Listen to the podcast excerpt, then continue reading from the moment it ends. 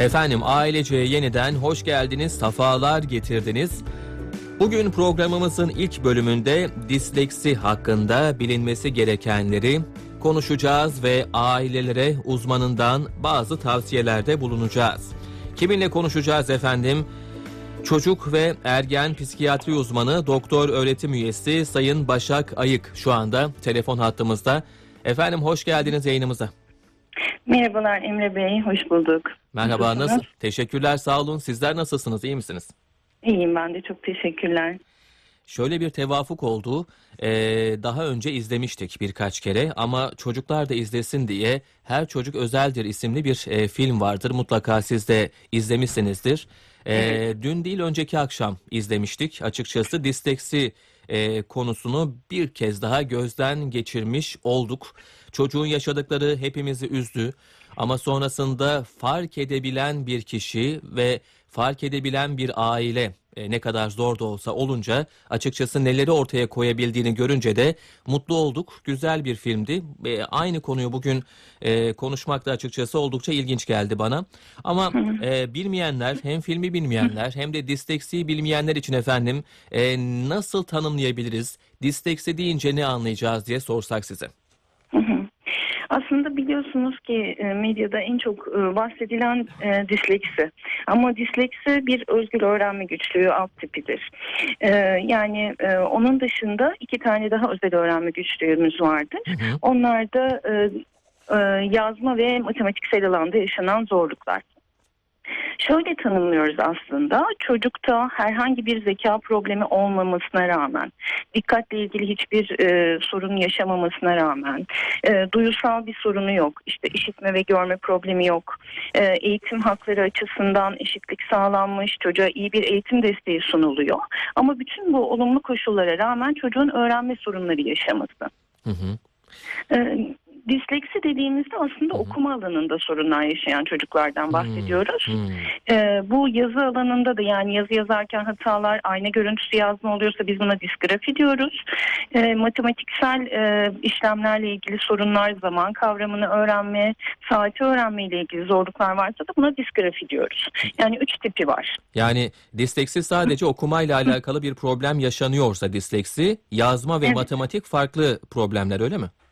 Evet, akademik e, becerileri üç alt e, grupta biz tanımlıyoruz. Hı hı. Okuma, yazma ve matematiksel beceriler olarak. Peki üçünde birden eee, zorlanan çocuklar olabiliyor mu? Evet, üçünde de bir arada olabilir ama her üçü ayrıca da değerlendirmeye alıyoruz biz. Hmm. Yani okuma sorunu yoktur çocuğun sadece matematiksel sorunu olabilir veya diğer sorunlar yoktur sadece yazma alanında sorun yaşayabilir veya sizin de dediğiniz gibi üçünde aynı anda da problem görülebilir. Hı hı. Peki efendim şimdi bu çocuklar ne hissediyor, ne görüyor, ne yaşıyor bunu merak ediyoruz. Yani neden yazmada bir problem var, neden okumada bir problem var? Okurken e, yine filmden örnek vereceğim böyle harfler mi karışık, gerçekten böyle mi? Bizden farklı olarak nasıl bir dünyaları var? Ee, evet aslında film çok güzel, çok da güzel denk gelmiş sizde. Orada öğrenme güçlüğü olan bir çocuğun hikayesinde öğretmeniyle beraber ve ailesiyle beraber dediğiniz gibi erken tanı koyduğunda nasıl olumlu bir şekilde hayatını değiştirebildiği üzerine. Hı hı. Ben de dinleyenlere öneririm izle, izlemelerini. Şöyle aslında bizim çocukluk çağında nöro gelişimsel bozukluklar dediğimiz bir tanı grubu var. Hı hı. Ee, bu özgür öğrenme güçlükleri bunun içerisinde yer alıyor. Ee, bu nöro gelişimsel bozukluklarda çocuğun beyin yapısında anne karnından itibaren bir gelişimsel farklılık var. Hmm. Beynin öğrenme bölgeleri var, işte dikkat bölgeleri var. Ee, özellikle bu öğrenme bölgesiyle ilgili sıkıntılar var bu bireyde. Yani dediğim gibi bir zeka sorunu yok. Çocuğun dikkat sorunu yok diyelim hani eşlik eden bir sorun yok. Ama çocuk öğrenirken, okurken, yazarken sıkıntı yaşıyor. Hı hı. Hı hı. Ee, Ee, Buradaki sıkıntının temelinde e, anne karnından başlayan bir süreçten bahsediyoruz. E, peki e, dediğim gibi az önce bahsettiğim gibi farklı bir bakış açısı mı var çocukta? Yani bakış açısı değil de çocuğun öğrenme becerisinde bir zorluk var. Yani Hmm, elinden gelen bir durum değil. Hmm, Yani anladım. çaba gösterse veya hı. yoğun bir çaba gösterse de hani onu e, yaşından veya zekasından beklenen düzeyde gerçekleştiremiyor çocuk. Anladım. Hı hı. Peki efendim ne zaman ortaya çıkıyor disleksi? Yani bebeklik döneminde böyle bir şeyi fark etmek mümkün mü?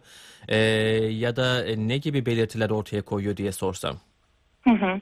Yani şöyle e, az önce söylediğim gibi anne karnında yani beyin gelişiminden itibaren yapı farklılığı ve çalışma beynin yapısındaki farklılık çalışmasında farklılığa yol açtığı için aslında çok daha erken dönemde başlayan bir şey. Ama biz tanısını hı. akademik hayat başladıktan sonra koyuyoruz. Çünkü burada bahsettiğimiz beceriler akademik beceriler. Okuma becerisi, yazma becerisi, matematik becerisi.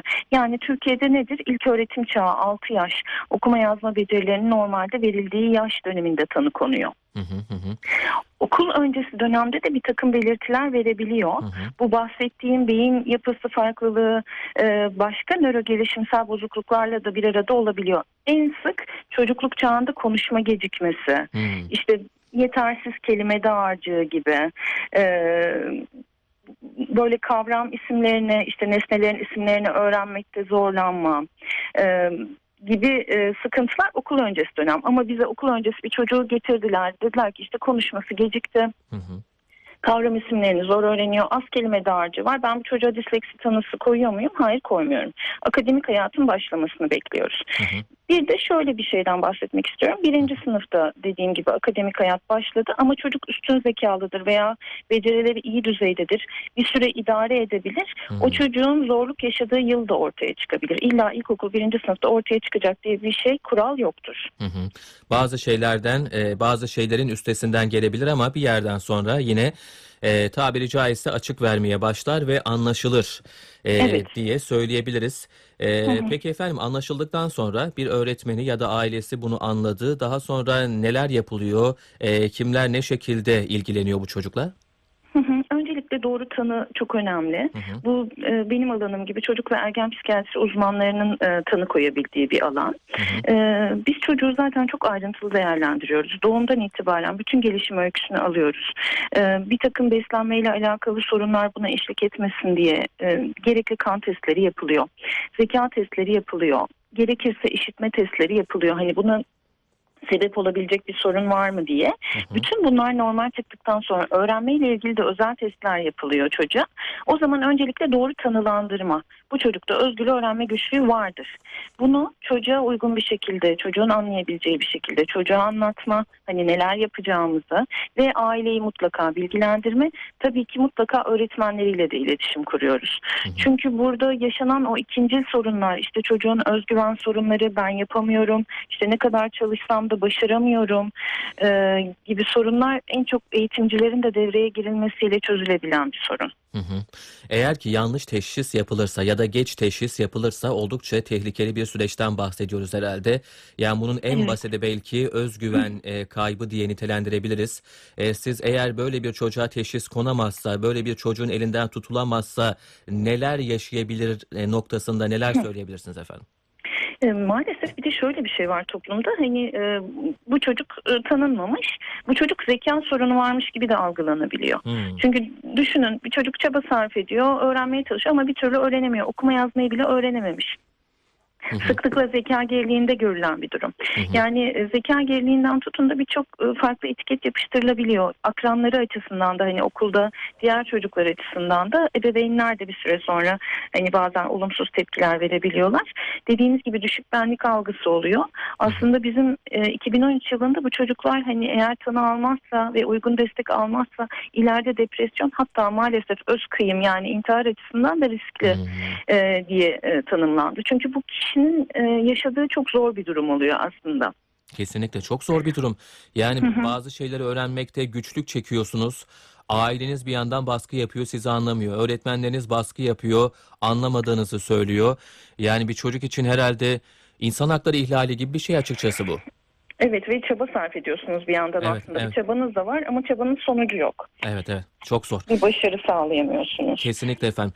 Peki e, böyle bir çocuğun teşhisi konduğu, erken teşhis konduğu gayet e, sağlıklı bir süreç işlemesi için neler yapılıyor? Bir tedavisi var mı? Gerçi bir hastalıktan da bahsetmiyoruz herhalde değil mi? Bir hastalık diyebilir miyiz buna? Yani nörogelişimsel bozukluk diyoruz biz Hı, buna. Hani biraz- hastalık değil de Hı hı. e, farklı özel bir durum. Hı Hani hı. bu bozukluğun yarattığı sorunlar var. Hani hastalık demeyelim ama bu bozukluk diyoruz. Evet. Farklılık diyoruz. Peki bu bozukluğun bir tedavisi mümkün mü? E, mümkünse neler yapılıyor? Hı hı. Ee, Şimdi tanı konusunda t- çok önemli dikkat etmeleri e, gerektiği konusunda uyarmak istiyorum. Hı hı. Çünkü çocuk ve ergen psikiyatri uzmanları dışında alanda çalışan hani bazen uzman olmayan kişiler hani popüler e, öğrenme testlerini de öne sürerek işte bunlarla reklamlar yaparak alıp çocuklara aileler başvurduğunda testleri uygulayıp sizin çocuğunuzda disleksi var biz bunu bir eğitim sürecine alıyoruz deyip yıllarca çocuğu ve aileyi takipte edebiliyorlar. Yani böyle bir şüphe varsa mutlaka öncelikle bir çocuk ve ergen psikiyatri uzmanından bu çocukta bu tanı var mı yok mu diye öğrenmelerini e, öneriyorum. Hmm. Ee, ondan sonra zaten eğer sadece sorun bu ise buna eşlik eden herhangi bir dikkat sorunu yoksa e, bunu niçin söylüyorum? Çünkü buna sıklıkla dikkat eksikliği ve hiperaktivite bozukluğu eşlik edebiliyor. Bu da çocuğun öğrenmesini ikinci bir olumsuz faktör olarak bozuyor. Hı hı. Eğer öyle bir durum varsa dikkat desteği veriyoruz biz uzmanlar olarak. Eğer sadece sorun öğrenme güçlüğü ise çocuğa özel bir e, eğitim programı uygulanıyor. Yani normal okul eğitimi dışında bu çocuğun e, a- öğrenme sorununun şiddetine ve tipine göre özel bir eğitim programı hazırlanıp e, adım adım bu program uygulanıyor çocuğa destek eğitim olarak. Hı hı. Çocuk bir destek eğitimi alıyor ama e, yine normal bir ok- okulda e, özel bir eğitim almadan eğitimine devam edebiliyor değil mi? Kesinlikle. Hı. Bir de tipleri vardır Emre Bey. Yani hafif, orta ve ağır olarak. Hani hafif orta tiplerde zaten e, normal okulda bir sorun e, çok erken yıllarda ortaya çıkmaz. Hı hı. Anladım. Yani normal okulda eğitime devam eder. Eğer çok ağırsa, eşlik eden başka şeyler de varsa o zaman bazen kaynaştırma öğrencisi dediğimiz özel bir durum olabiliyor. Hı hı. Yine normal sınıfta ama Hı hı. daha hafif bir müfredatla eğitim görüyorlar. Evet evet. Peki efendim e, okuma güçlüğü, ondan sonra yazma güçlüğü ya da matematiksel işlemleri yapma güçlüğü noktasında e, yol merhale kat edilebiliyor mu? Bu güçlükler ortadan kalkabiliyor mu bu özel eğitimle ve desteklerle? Kesinlikle. Hı hı. Kesinlikle bu eğitim e, dediğim gibi e, uygun desteklerle bu sorunların çözümü mümkün. Hani en azından şiddeti hafifletebiliyoruz. Hani çok ağır bir çocuk hani orta veya hafif düzeye gelebiliyor. Ama hafif veya orta düzeyde bir öğrenme sorunu varsa bunu ortadan kaldırabiliyoruz. En azından çocuk anlaşıldığını, Hı hı. hani orada destek gördüğünü, çevresindeki ailesi, yaşıtları ve öğretmeni tarafından hani ona uygun davranıldığında o ileride olabilecek olumsuz psikolojik sorunları önleyebiliyoruz. Kesinlikle. Yani en azından bir tanının konması, çocuğun anlaşıldığının farkına varması dahi oldukça önemli e, bu noktada herhalde. Kesinlikle. Bazen gelirler burada tanı görüşmesi için. İlk görüşmede sadece konuşuruz.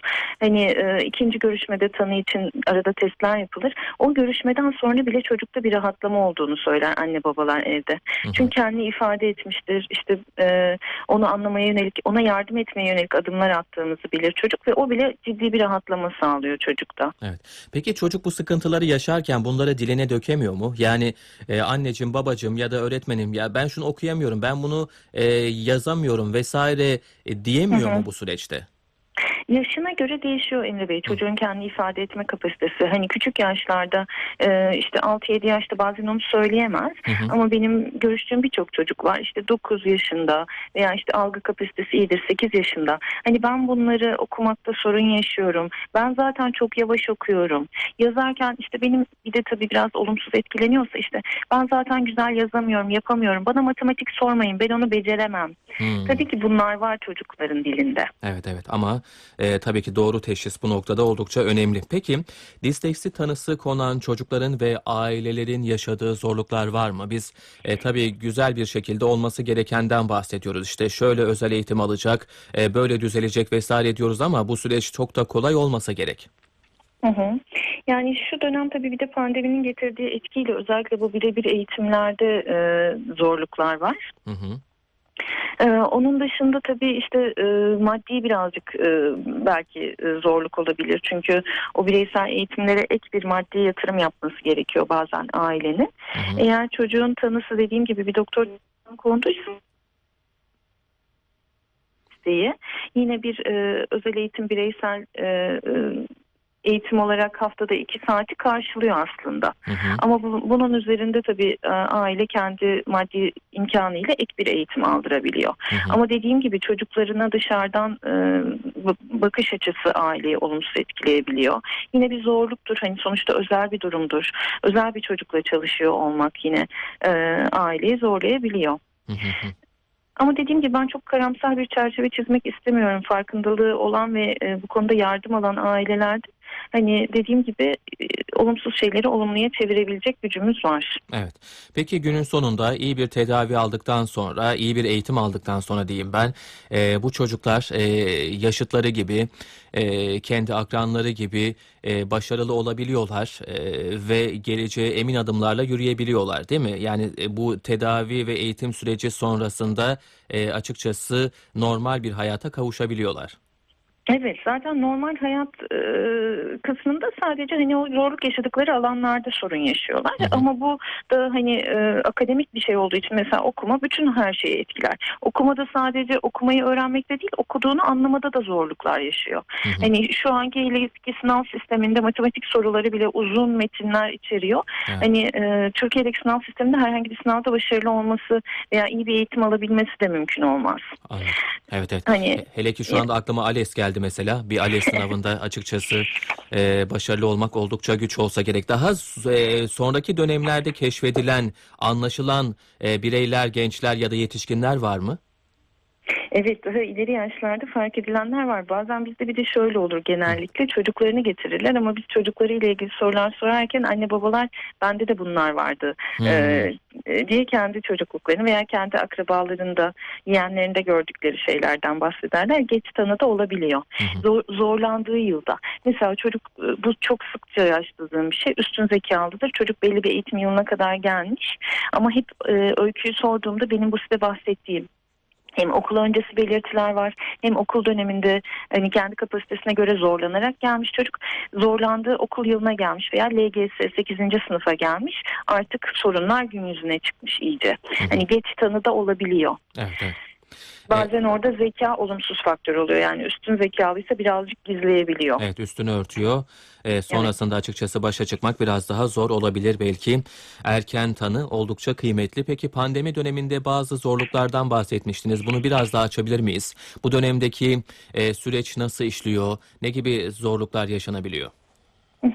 Yani şöyle aslında bütün çocuklar bu pandemi döneminde eğitimle ilgili sorunlar yaşıyorlar. Tabii ki eğitimciler de yaşıyorlar. Hani e, sonuçta çok daha fazla çaba sarf ederek eğitim dokümanı hazırlıyorlar.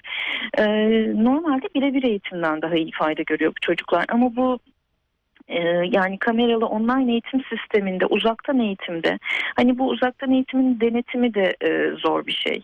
Hani aksaklıklar olabiliyor internet kesintisi olduğunda dersten düşebiliyorlar veya sınıfta gürültü çıktığında hani öğretmeni tam olarak duyamıyorlar. Anlamadıkları yerde öğretmenim ben burayı anlamadım diyemiyor her çocuk. Yani bu her sınıfta yapılabilen bir şey değil. E, bu yüzden normal eğitimden daha da çok zorlanıyorlar e, şu anki sistemde. Yine dediğim gibi bu işte sosyal mesafe ve işte yasaklardan dolayı birebir bir öğretmenle yüz yüze çalışma şansı çok olmuyor. Genellikle onu da online sisteme çeviriyorlar. Ama ne yapabilirler? Anne babalar kendi imkanları oldukça sonuçta eğitim programı sabittir. Birçok eğitimci de şimdi böyle yapıyor. Hazırladıkları programları birkaç hafta sonra evde anne babalara çalıştırmasını öneriyorlar. Hı hı. E, Bunları bilerek ben tabii ki anne babalardan e, çocukları anlamalarını ve biraz anlayış göstermelerini rica ediyorum. Eğer çocuklarında bu durum varsa hani bu olumsuz faktörleri hani evet oturuyor çok güzel dinliyor ama öyle olmuyor eğitim süreci. Hani beklentilerin biraz bu dönemde düşürülmesi, e, işte üzerine çok fazla gidilmemesi. Ama tabii ki çok fazla boş bırakmak da değil. Hani minimum eğitim e, gereklerini yapması lazım çocuklarında. Evet. Hani orada sınır önemlidir yani. Evet evet. Peki efendim son olarak açıkçası bir, birkaç öneride bulundunuz. Bunu biraz daha genişleterek anne babalara açıkçası bu konuda bu tür durumlardaki tavsiyelerinizi merak ederiz. Ee, başta kabullenmek e, dahi zor gelebilir. Benim çocuğum neden öğrenme güçlüğü yaşasın diyebilir ve kabul etmemeye e, kadar gidebilen belki bir süreçten bahsedebiliriz. Ee, ilk e, tanı konduğu andan itibaren sonrasında çocuğa karşı yaklaşım nasıl olmalı, e, nasıl bir e, süreç işlemeli, izlemeli anne babalar diye sorsam size. Yani e, kabullenme evet önemli. Çünkü bu dediğiniz gibi geç tanılara sebep oluyor. Geç tanılarda da çocuğun benlik algısında bir olumsuzluk gelişmiş oluyor. Yani bizim buradaki hedefimiz sadece akademik başarı, işte akademik hırs değil. Çocuğun benlik algısını da e, koruyarak büyütmek. E, bu bahsettiğim işte okuma alanında çocuğun mesela yavaş okuması, hatalı okuması, okuduğunu anlamada güçlükleri olması, yazarken işte yanlış yazmalar, ayna görüntüsü yazmalar, eksik harfler veya harf ekleyerek yazması, matematik becerisinde mesela çok rahat yapabileceği şeyleri parmak hesabıyla yapması, para hesabını, saat hesabını bunları yapamadığı bu tarz belirtiler olduğunda, okul öncesi döneminde konuşma gecikmesi olduğunda, çocuk yönleri öğrenmede sorunlar yaşıyor, kavramları, saat kavramını öğrenmede sorunlar yaşıyor. Bunların varlığında şüphelenip mutlaka bir uzmana götürmelerini rica ediyorum. Dediğim gibi şöyle bir şey olabiliyor. Şimdi çaba sarf ediyor çocuk evet ama ebeveyn de çaba sarf ediyor. Ödevler geliyor o çocuğun ödevi olmuyor sadece. Anne baba da oturup çocukla saatlerce çalışıyor ve bu bir süre sonra öfkeye sebep olabiliyor. Çocuğa bağırma, cezalandırma, azarlama gibi. Evet. Eğer tanı alırsa orada kabullenmeye için uzman yardımcı oluyor. Çocuğun güçlü yönlerini vurgulama. Evet bu alanda sorun yaşıyorsun ama her çocuğun güçlü yönleri de vardır. Onları çocuğa söyleyip onu fark etmesini sağlama. Dediğim gibi biraz beklentileri düşürme. Yine uzmana gerekli soruları sorup nasıl bir süreç bizi bekliyor hani e, diye hani ondan gerekirse e, yardım isteme konusu ebeveynler için önemli. Evet evet oldukça kıymetli. Peki efendim çok teşekkür ediyoruz. Çok sağ olun. E, aklıma gelmişken şunu da sorayım. Okullarda biz ilkokulda özellikle birinci sınıfta e, ya da ikinci sınıfta okuma yarışması yapardık. E, Evet. bir, e, kitaptan bir yeri rastgele seçerdik ve orayı hızlıca okumaya çalışırdık. Bir dakikada en fazla kelimeyi okuyan kişi şampiyon olurdu. E, Evet. e, şu anda siz bunları anlatınca bu ne kadar normal diye düşünmeye de başladım bir yandan. E, böyle bir öğrenci de olabilir. Böyle bir Evet. öğrenci olmayabilir. E, farklı öğrenim tarzları ya da e, kalıpları da olabilir. E, bu açıdan böyle bir yarışın da e, çok da şık olmadığı kanaatindeyim. Ne dersiniz bilmiyorum. Hı hı. Söylediğiniz yarış hala var. Ee, şimdi düzenli kitap okumaları da yapıyorlar. En hızlı okuyan çocuğu da seçiyorlar. Hı hı. Orada eğitimcinin hassasiyeti önemli. Öğretmen bunu motivasyon için diğer çocukları çok kırmadan yapıyorsa bu güzel bir şey. Evet. Diğer çocukların da diğer önüm, olumlu yönlerini öne çıkarıyordur. Zaten bir öğretmen sınıfını tanır. Hı hı. Hani bu bahsettiğim şeyleri biliyor olması gerekir eğitimcinin ve hani ama tamamen körü körüne sadece bu yarışı yapıp hani oradaki başarılı çocuğu ödüllendirme, diğer çocukların olumlu yönlerini vurgulamama durumu varsa tabii ki hiç istenen bir şey değil bu yarış. Evet, evet. Efendim çok teşekkürler. Çok sağ olun. Ağzınıza sağlık. Kolay gelsin size. Çok teşekkür ederim Emre Bey. İyi Hoşçakalın. yayınlar. Çok teşekkürler. Sağ olun. Efendim disleksi hakkında bilinmesi gerekenleri paylaştık ve ailelere e, çocuk ergen psikiyatri uzmanı doktor öğretim üyesi Sayın Başak Ayık'tan tavsiyeler aldık. Kendisine teşekkür ediyoruz. Şimdi Oğuzhan Koç Ay ben hala rüyada diyecek. Sonrasında bir köşemiz var. Sonrasında bizler yine burada olacağız. Ay benim olduğun zaman Dedim her şeyim tamam Elimi tutmuştun sonra inceden usuldan Ay beni öptüğün zaman Bütün bir dünya yalan Yüzümü güldüren sendin. Geceyi gün edendin